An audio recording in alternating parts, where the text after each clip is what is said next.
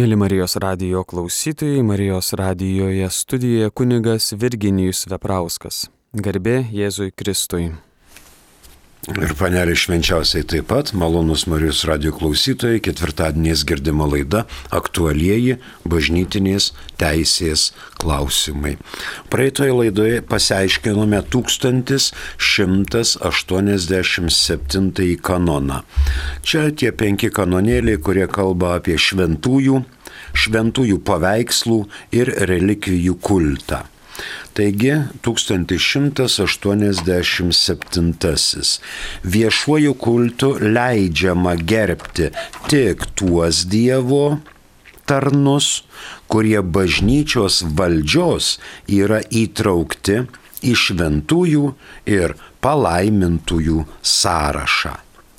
Tik tuos, kurie yra įtraukti, ne kur mums atrodo, ar mes manome, bet tie, kurie įtraukti. Atitikmo yra 885 kanonas. Sekantis iš eilės 1188.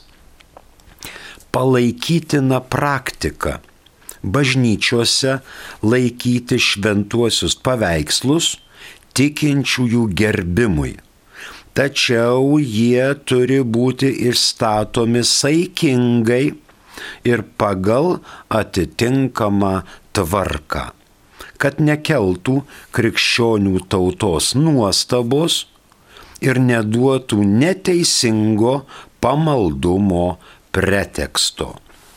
Keletas minčių dėl 1188.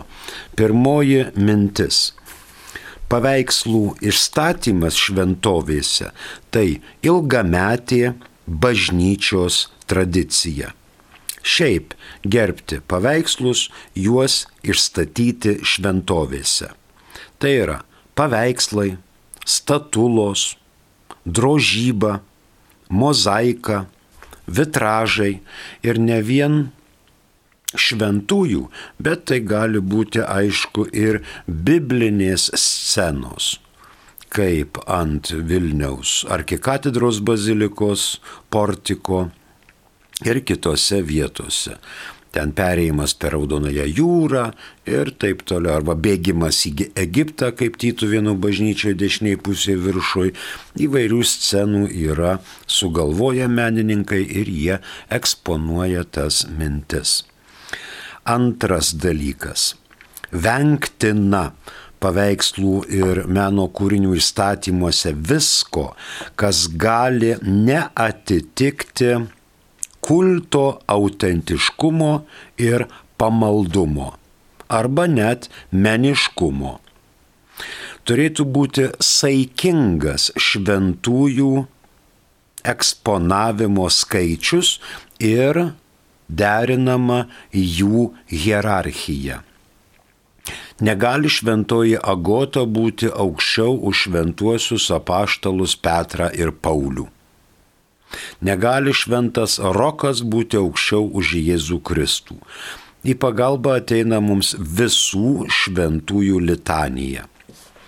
Kiekviena maldaknygė, kiekvienas mišiolas turi visų šventųjų litaniją ir ten yra įvardyjama tokia predestinacijos lentelė, kas po ko eina.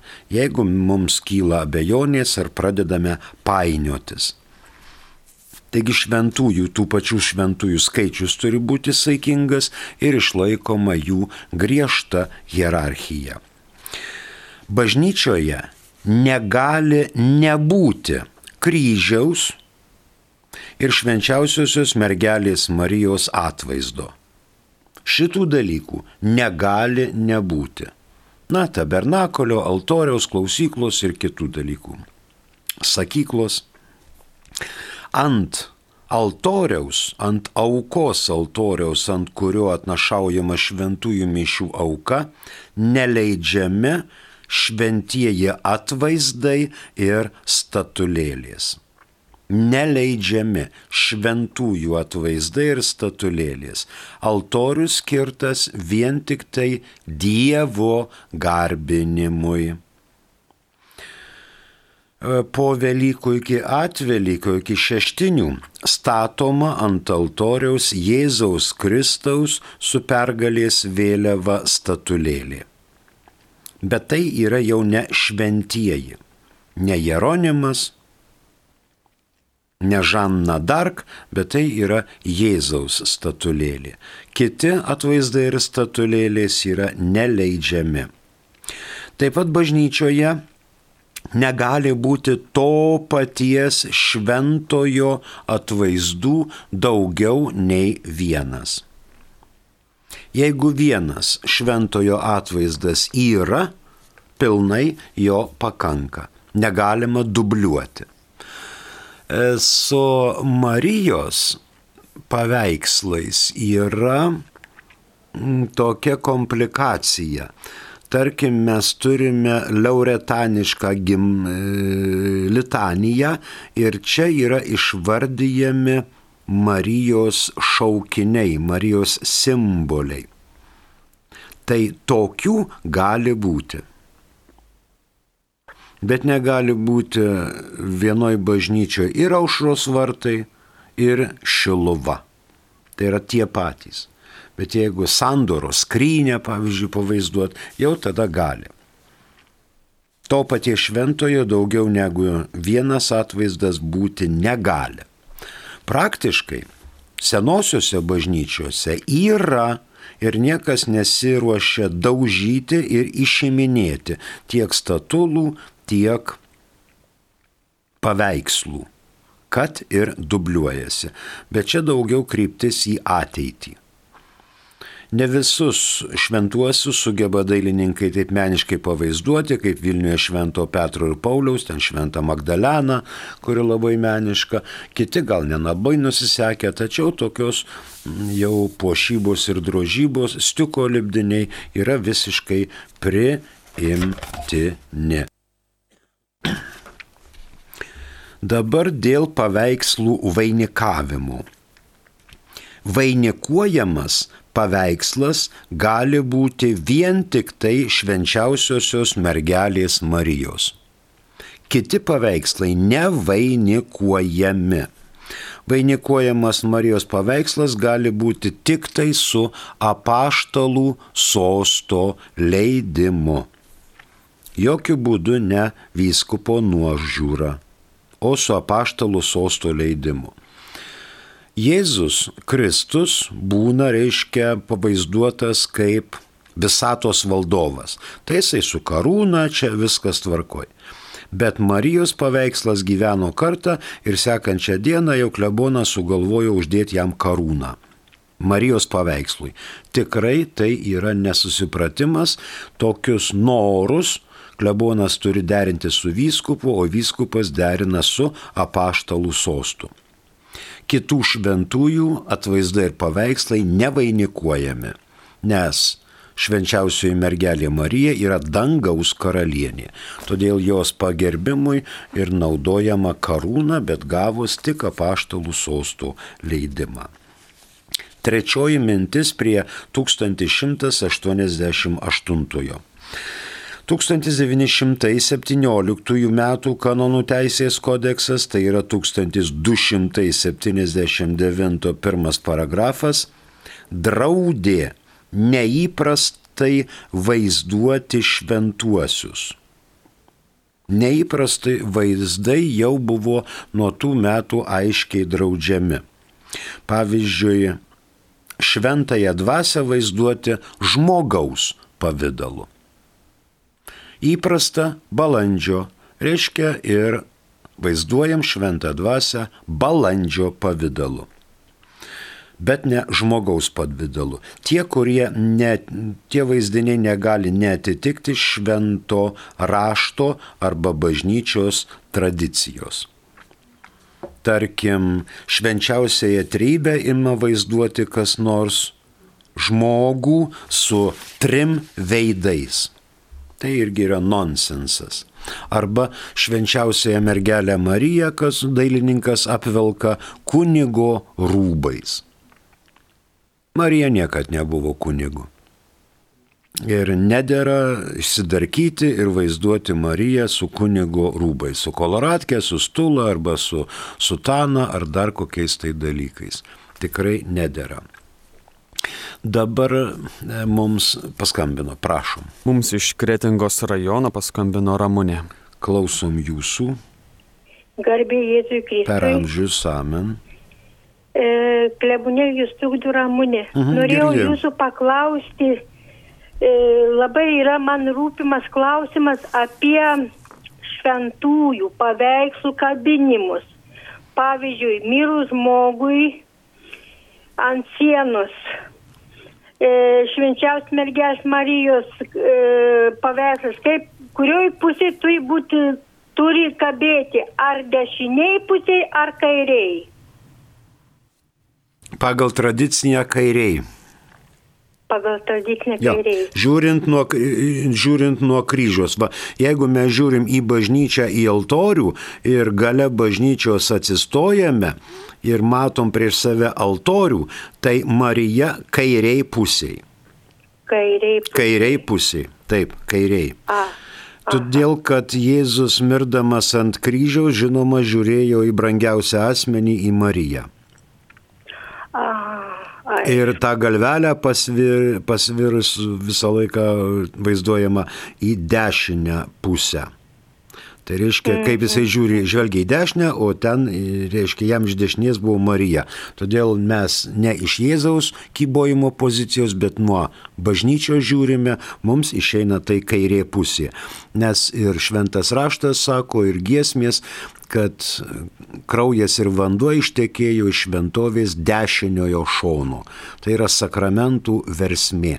Perdurtas Jėzui buvo dešinys šonas, o mums žiūrint tai yra kairys ir čia yra Marijos pusė. Taip maždaug skaitoma. Ačiū Ramūne. Jeigu dar turit, mielai klausim. Mes dar turim kažką iš SMS, prašom.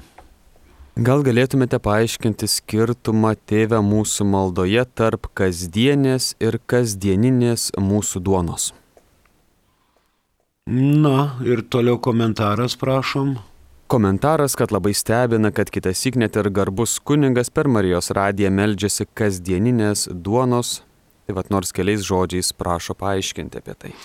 Čia yra, aišku, priebalsių asimiliacija, pas mus patvirtintas dalykas kasdienės. Kasdienė duona tai nėra tas trupinys juodos duonos, kur mes kasdien valgome, bet tai kasdienė duona tai net ir geras žmogus sutiktas kelyje ir nuostabus bendradarbis ir žinoma pyragas ir pieno stiklinė ar vandens stiklinė ar koksai reiškia lobsteris su langustu, tai irgi yra kasdienė duona. Mes prašom savo maisto tiek dvasiai, tiek kūnui. Kasdienės. Trumpiau e, sakant, kasdienės. Dar yra daug tokių netitikimų ir mes laukiame, kol Lietuvos viskupų konferencija priims sprendimus ir gal kai ką atitaisys, kai ką pataisys, kai ką nurodys kitaip, nes mokslas vystosi ir mes turėsime priprasti prie naujų teiginių. Rytoj viskupų konferencija turi plenarinį posėdį, prašom pasimelsti, kad šventa dvasia neaplenktų jų. Dar klausimas yra, prašom. Rasa klausia, kaip taisyklingai šiandien užrašyti ant durų? Ar plus K plus M plus B, ar plus C plus M plus B?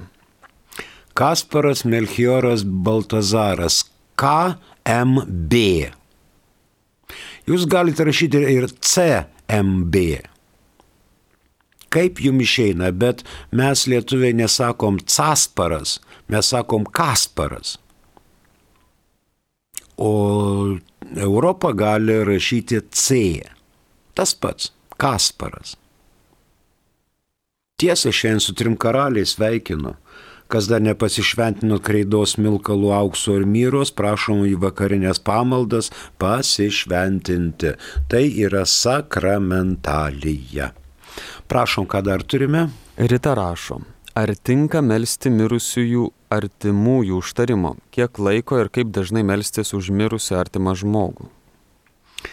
Rita, e, tinka melstis. už tai, kad mūsų mirusieji artimieji užtartų mus. Mes turime daug. Nu, šiandien laidojo, tarkim, žmogų, tai tokios gana linksmos laidotuvės, sako, ponė labai mėgo brandžiuką su citrina. Nu tai dabar, jeigu žmogus gyveno krikščionišką gyvenimą ir mėgo brandžiuką su citrina, Tai ir šitie, kurie dalyvavo laidotuvėse, tikrai suprato, kad tai nebuvo išsidarkimas, bet kad tai buvo tikrai nuoširdus dalykas. Moteris nebuvo tekėjusi, neturėjo vaikų, aplinkiniai ten padėjo, pagelbėjo ir jinai mylėjo. Ir jeigu mes jaučiame, kad tai žmogus, kuris praktikavo dorybės, kuris tikrai mūsų nuojauta yra arti Dievo, mes galime prašyti jo užtarimo kiek laiko ir kaip dažnai bažnyčia iš tai neatsako. Pagal jūsų nuotaiką. Ar liūdėsys, ar vargas, ar džiaugsmas. Aišku, žmogų mirusi prisimename 30 dieną po mirties, metinės ir paskiau atitinkamai. Galima pasimelsti už mums artimą žmogų kuris paliko mūsų pasaulį, kuris mums iš tikrųjų buvo kažkuo tai pagelbėjo, gal ten e, tėvus iš bado ištraukė nasrų, arba žydus gelbėjo, išstatydamas savo gyvybę pavojui, kuris buvo tikrai pilietiškas ir kuris jautė, kad žmogiška būtis turi būti pagarboje, tai va tokie žmonės yra iš tikrųjų verti, galima jų prašyti užtarimo. Mūsų manimų, galbūt jie ir šventieji gal ir pas Dievą šventieji, nors bažnyčioje jų nekanonizavo popiežius ir jų paveikslų nebus bažnyčioje, bet jie mūsų įsitikinimu gali būti šventieji, galim prašyti jų pagalbos. E, mums dar paskambino, prašom. Mums iš Tverečiaus parapijos paskambino Marytė. Mėla, ponė Marytė. Gerbėjas Kristus. Per amžius. Aš noriu paklausti, kai prie altoriaus pakabintos yra valstybinės vėliavos, rajono vėliavos, ar čia gerai, ar čia blogai, ar čia taip turi būti? Indiferentiška, nei gerai, nei blogai. Kai mes negalėjom kelti trispalvės, tai žinot, bažnyčioje pradėjom pirmi kelti trispalvės ir tai kėlė nuostabą, reiškia, čia tie visokie komuniago sako, čia netinka, nuplėškit, čia yra Dievo namai, kaip jūs čia galite tą daryti arba tą daryti.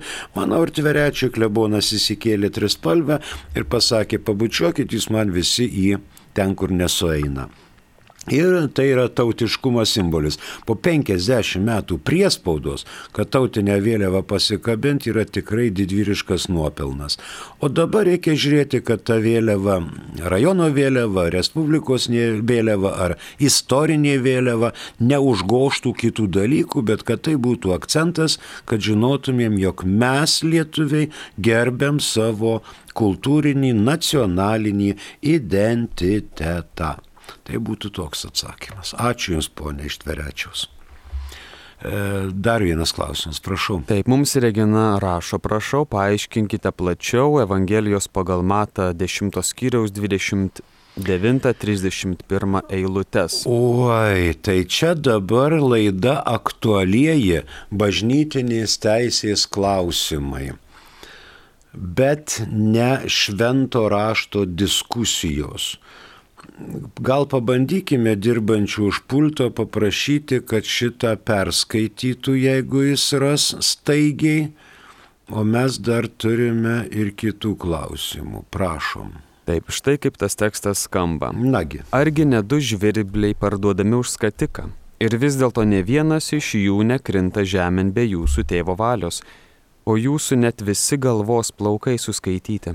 Tad nebijokite, jūs vertesni už daugybę žvirblių. Matot, koks puikus tvirtinimas. Mes vertesni net už daugybę žvirblių. Nes mus sutvėrė Dievas ir apdovanojo laisvą valią ir protu. Žvirblis besinaudoja instinktu. Visa gyvoji gamta valdoma yra instinktų, o žmogus yra laisvas.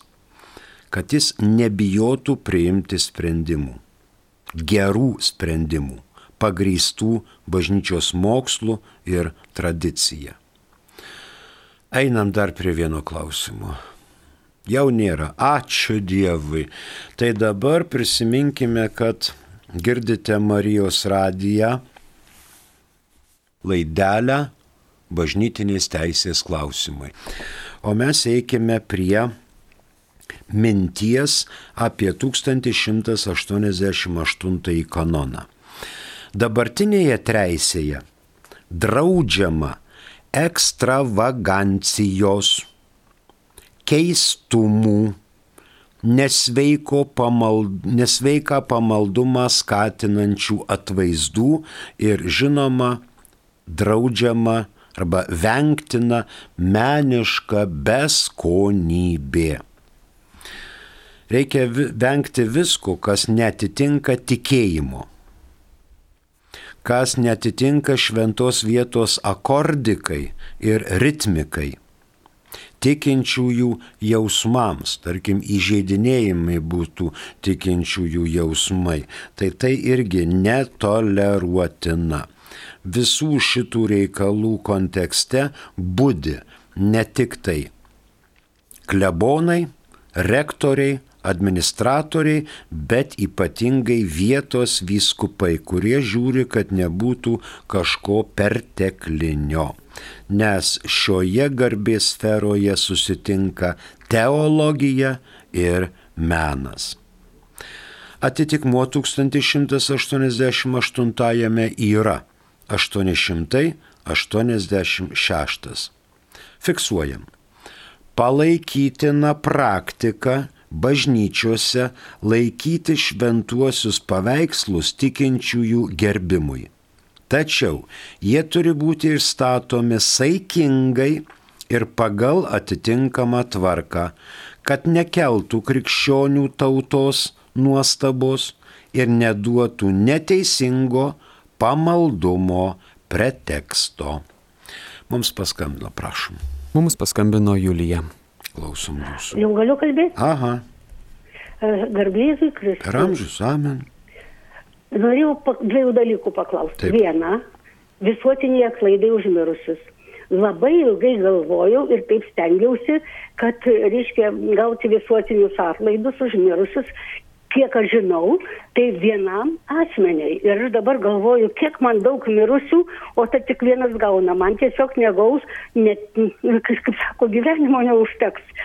Viena. Antra, aš girdėjau Parmelios radiją, kad galima visiems duoti, prašyti tų visuotinių atlaidų. O jau viešpats paskirs. Dar, dar aš galvoju, ar už mano artimuosius kas nors melžiasi, gal man Dievas leidžia gyventi ilgiau, kad aš už juos melžiausi. Tai va, kaip iš tikrųjų yra, ar atiduoti į Dievo rankas ir jis paskirs, nors man labai brangus žmonės yra, už visiems skirti, ar iš tikrųjų tik vieną, kaip kadaise aš taip girdėjau, buvau įsitikinus. Tai vienas klausimas. Antras klausimas. O, jau pabėgo, esu, esu sena. Esu sena, man taip rūpėjo. O, gal, o, nu tiek to, gal, taip, gal kai jūs paaiškinsit, aš atsiminsiu ir antrą. Gali būti. Dabar dėl to pirmo klausimo. Visuotiniai atlaidai užmirusiuosius. Vienam asmeniui vieną dieną. Nereikia visą gyvenimą kasdien pelnyti visuotinius atlaidus už tą vieną. Bet vienam asmeniui vieną dieną. Per vėlinės, per visus šventus. Kitą dieną jau galit skirti kitam asmeniui. Trečią dieną trečiam asmeniui. Ketvirtą dieną ketvirtam asmeniui. Jeigu jau sąrašas baigėsi, galite už nežinomą asmenį arba už labai žinomą asmenį, kuris yra laikomas viešo nusidėjėliu, galva žudys. Matot, kas nužudo vieną žmogų, atsėdi kalėjime ir išeina, o kas nužudo milijonus, tai tas yra garbės lentuose ir garbinamas. Bet vieniem jisai yra žmogžudys, pavyzdžiui, 33 milijonus nužudė Galadamoras. Tai vad galima ir jam paskirti kažką. Gali jam koksai Abraomas suvilgęs vandeniu galą piršto atvėsins lūpas. Galima. O jeigu antrą klausimą jau prisiminėte, tai prašom, neprisiminėte. Tai mes eikim prie sekančios temos, prie 1189 kanono. Jei kada nors vertingiems paveikslams, būtent išsiskiriantiems senumu, meniškumu, ar kultų įstatytiems tikinčiųjų gerbimui bažnyčiose ar oratoriumuose būtų reikalingas atnaujinimas, jie niekada negali būti restauruojami be raštiško ordinaro leidimo. Šis prieš jį išduodamas turi atsiklausti ekspertų. 1917 m. kanonų teisės kodekse tuos dalykus normino 1280 ir 1498. Pirma mintis. Atvaizdai gali būti labai vertingi dėl senumo ir ypatingai meniški ir nepriklausomi nuo vertės rinkoje. Mums paskambino, prašom. Mums paskambino Linas iš Vilniaus. Klausom jūsų. E, labą dieną. Labas. E, sakykit, turiu tokį klausimą. Aš esu ne katalikas mm. ir dažnai tenka lankytis bažnyčioje mm. per krikštyną, laidotuvę, vestuvę e, ir patenku į mišes ir vat, koks yra pagarbus elgesys mišių atveju, nes aš, pavyzdžiui, suprantu, kad, e, kad reikia atsistoti per mišes, nors ne katalikas, bet, pavyzdžiui, žegnotis, ne, man jau atrodo ir iš mano pusės būtų neteisinga ir nepagarba, nu, kažkaip ir bažnytas atžvilgiu. Bet ko, ar yra tokia taisyklės, kaip elgtis e, nekatalikui mišių metu? Taisyklių, kaip elgtis nekatalikui mišių metu nėra. Čia renkasi bendruomenė, kuri garbina Dievą. Tarkim, jūs pakviestas ten į savo draugų tėvas, ten metinės, dešimt metų po mirties ir jūs ten su kokiu gvazdikėliu arba kažkute nueinat į bažnyčią, kad po to galima būtų nueiti į kapines. Jeigu jūs nueisit su galvos apdangalu, tai žinot, iš paskutinio suolo pakils Monika, su rankinuku ir jūs aiškiai pašventins. Sakys, erodetu čia bažnyčiai su kepure. To būt negali, nes būt to negali. Ir gausit, reiškia, dėmesio dozę ne tik nuo Monikos su rankinuku, bet nu ir nuo visų kitų. Tai eidami į bažnyčią nusiplėškit galvos apdangalą nuo galvos bet jeigu yra žinoma operacija galvos, ten kokia plokštelė, kol dar nesuaugo, tai jūs visiems pasakykite aplinkiniam, aš po operacijos negaliu, man reikia galvą šiltai laikyti, aš su veilokais, su, su kepure ausiniai, čia pačioj užrišta, aš jau būsiu taip. Dabar, kada sėdim, tai sėdim patogiai. Kada e, žmonės klūpo, tai jau mes gal nesėdėkim, bet bent atsistokim iš pagarbos, jeigu mūsų keliai nesilenkia prieš Dievą. Nes Dievą tikėti dar įmanoma, bet e, patikėti, kad tam duonos gabalėlyje yra Dievas, tai jau reikia tikrai didelio tikėjimo. Tai daugybė žmonių klaupėsi prieš tą duonos gabalėlį konsekruotą, o jeigu mūsų keliai ne, tai mes nors pastovėkim ir nesiraukim į pirmus suolus, kad ten paskui nebūtų netikėtumų visi klaupėsi, jau mes turim stovėti arba pasitraukti, kad netrukdytumėm kitiem matyti. Tai va taip. Na žinoma, mobiliaką reikia išsijungti bažnyčioje, kad nečirškėtų ir minutės, žinutės neteitų kas minutę pas mums. Daugiau tai kaip ir tokio nėra nieko, ten visokių šnekų, kalbų neturi būti, kažkaip rami laikysena ir ne ekstravagantiška. Jeigu vasara, tai palangoj mėgsta žmonės tiesiai iš pležo ateiti, ten su maudomais, a, tik kas čia tokio, tai einam pasižiūrėti, kas ten dedasi. Tai va, su tokiais rūbais gal netiktų, nes ypatingai pravoslavų bažnyčia tai yra tokia kultūrinė policija prie durų ir jeigu tik tai su kelnėmis moteris, tai iškart ją apjuose kažkokiu tai tiuliu, audeklu, kad jinai atrodytų ne su kelnėmis, o su sijonu. Ir galvos apdangaras moteriai privalomas. Čia pravoslavuose. Pabandykite įeiti į sinagogą m, vyras be galvos apdangalo. Tai nors įsitrauks nosinę ir ant galvos, tada gali užeiti. Tai jau tokios bendros taisyklės, bet taisyklių, kaip laikytis netikinčiam žmogui katalikų bančioje, nėra. Geriausia taisyklė - netrukdyti kitiems melstis. Na ir žinoma, kai kunigas arba patarnautojas daro rinkliavą, prisidėkite prie šitų linai, reiškia, pagarbos ženklų bažnyčios vykdomai viešai veiklai. Ačiū. Dar SMS turim, prašau. Klausytojas rašo. Mhm. Kunigai sako, kad reikia vykdyti Dievo valią, bet tada nebėra mano laisvos valios. Ja viešpats mums davė, pagal sąžinę naudojamės, tai kaip kunigai žino, kur Dievo valia, o kur mano. Na tai reikia ir kelt klausimą. Ar mano valia visuomet atitinka Dievo valią? Dievas savo valią išreiškė per dekalogą, per dešimt Dievo įsakymų. Bažnyčia palaiko tokius mokslus, va. Dabar matot, bažnyčia gruodžio 8 dieną praeitų metų išleidžia net naują baudžiamąjį kodeksą už nesąmonės visokias, kurių pridirba tie patys bažnyčios tarnai.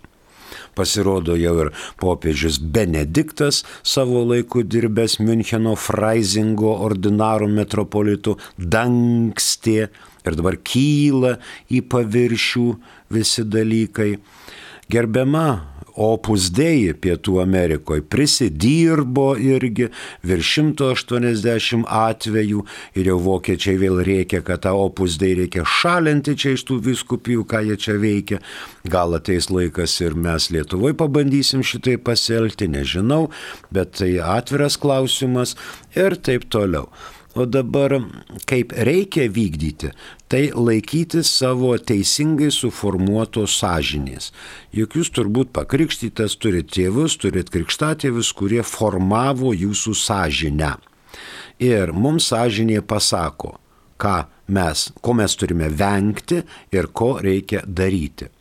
O kunigai reikia iš klausyklų ten, neabortuokite ar dar neką darykite, ne iš savo turtingo lobino, bet jie vykdo vyskupų nurodymus ir bažnyčios valią.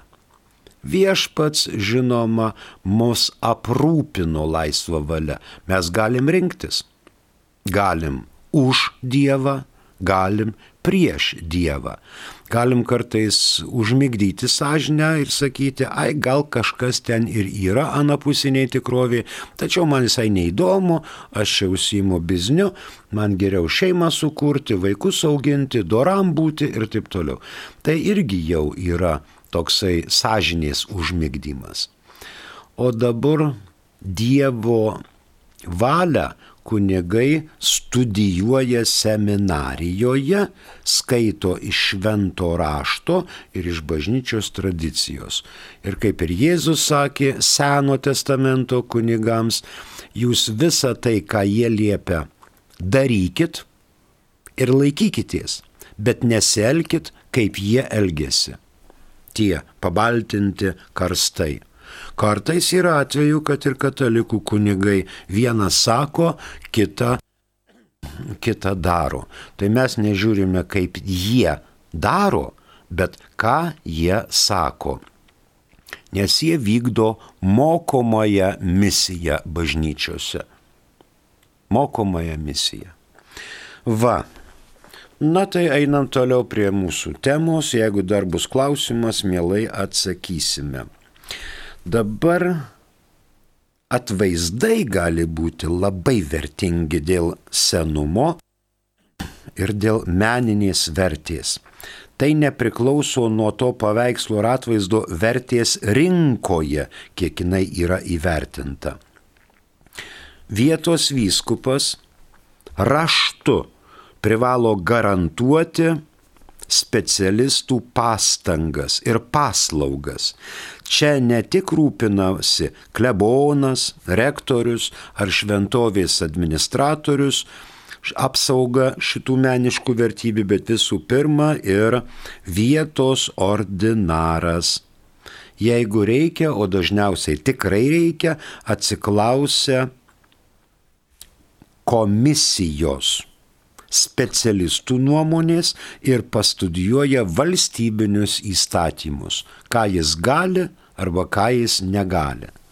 Tarkim, pivašiūnų paveikslą Marija nori parduoti. Ai, sako, man čia nelabai gražus, aš padėsiu kitą paveikslą, o šitą parduosiu.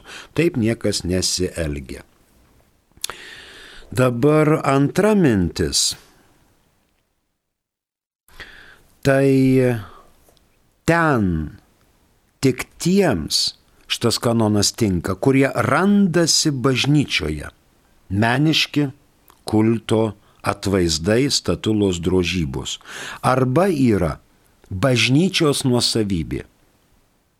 Kanonas liečia tuos, kas yra bažnyčioje arba bažnyčios nuosavybė, bet neliečia tuos, kurie yra muziejuose, kitose bažnyčiose ten pavokti, išvežti, kaip pavyzdžiui pažaislio vienuolyno grindys išvežtos.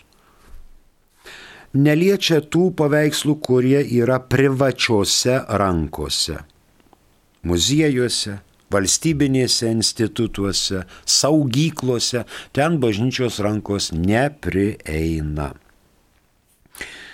Dabar kulto objektas ne tik dėl meniškos vertės, bet ir dėl paties tokio įmeldimo, kiek ten šimtmečių kartos meldėsi prie to paveikslėlio. Kartais per Velykas, kai pastato ant altoriaus tą Jėzusėlį su pergalės vėliava, tai atrodo, kad reiškia vos ne karikatūra. Kažkas prieš porą šimtų metų nudrožė tą tokį su kompanosimis įskėtusi iš, iš rankom, reiškia apsigraibantį tokį Jėzusėlį, tai jisai ir stovi jis gal šiom dienom nekelia jokio pasitenkinimo estetinio, gal čia padėjus gipsinį pauksuotą būtų žymiai gražiau, bet tai tik didžiulė meninė vertybė.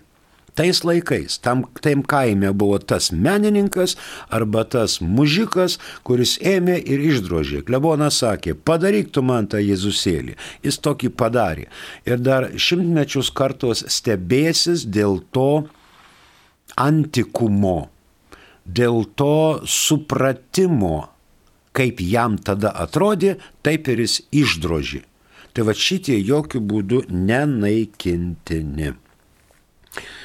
Dabar jau mūsų laikas išseko.